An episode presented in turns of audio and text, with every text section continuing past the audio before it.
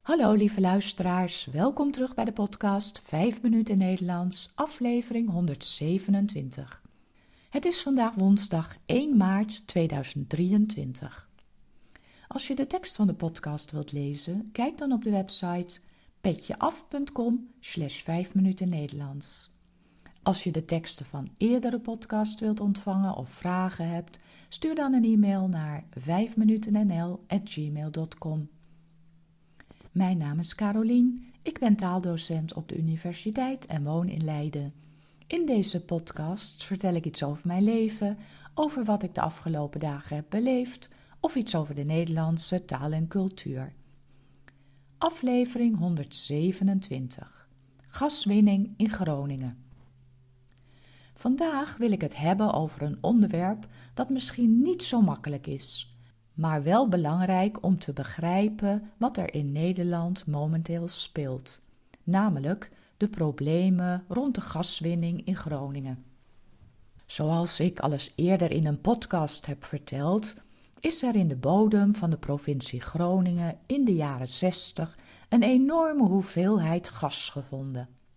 Dat was natuurlijk heel mooi voor Nederland, want dat betekende fossiele brandstof uit eigen grond en dus inkomsten. Heel Nederland heeft veel profijt gehad van deze extra inkomsten. Maar de mensen in Groningen hebben daar uiteindelijk een hoge prijs voor moeten betalen. Eind jaren negentig begonnen de problemen. Er kwamen opeens aardbevingen voor in het gebied. In het begin geloofde men niet dat dit door de gaswinning kwam, maar al snel werd duidelijk dat dit zeker de oorzaak was. In 2012 was er zelfs een hele zware aardbeving. Inmiddels zijn er meer dan 1600 bevingen in het gebied geweest. Hierdoor raakten huizen van bewoners beschadigd. Het was lange tijd niet duidelijk wie de schade moest vergoeden. De gaswinning is inmiddels teruggebracht. Dit betekent dat er veel minder gas per jaar uit de grond gehaald mag worden. Maar nog steeds zijn er veel problemen en is de schadevergoeding niet goed geregeld. Er is een parlementaire enquêtecommissie geweest die officieel onderzoek heeft gedaan naar alle misstanden rond de gaswinning in Groningen. Het rapport van deze commissie is vorige week vrijdag gepresenteerd en de conclusies zijn zeer ernstig. De belangen van de Groningers zijn niet serieus genomen bij de gaswinning in hun eigen provincie. Geld verdienen ging boven veiligheid. En de rest van Nederland heeft niet voldoende aandacht en zorg gehad voor dit gebied. Kortom, het is een zeer kritisch rapport van bijna 2000 pagina's. De commissie heeft gesproken met oud-ministers, met bewoners en met allerlei betrokkenen. Zo is er ook gesproken met kinderen die niet meer konden slapen omdat ze hun huis uit moesten vanwege instortingsgevaar. Bewoners die in financiële problemen kwamen omdat ze hun huis niet meer konden verkopen. Het lag immers midden in het aardbevingsgebied ministers die niet goed geïnformeerd waren over de gevaren van de gaswinning, besluiten die vaak veel te traag werden genomen.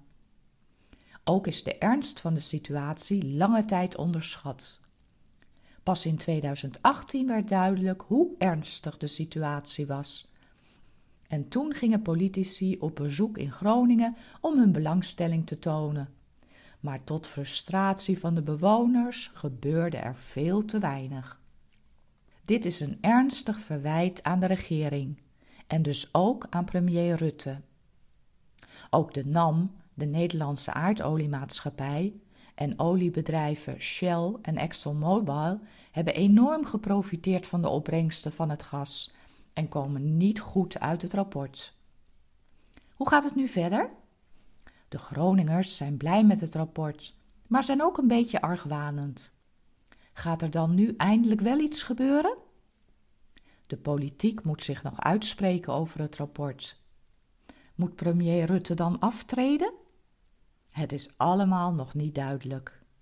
Over twee weken zijn er verkiezingen voor de provinciale staten.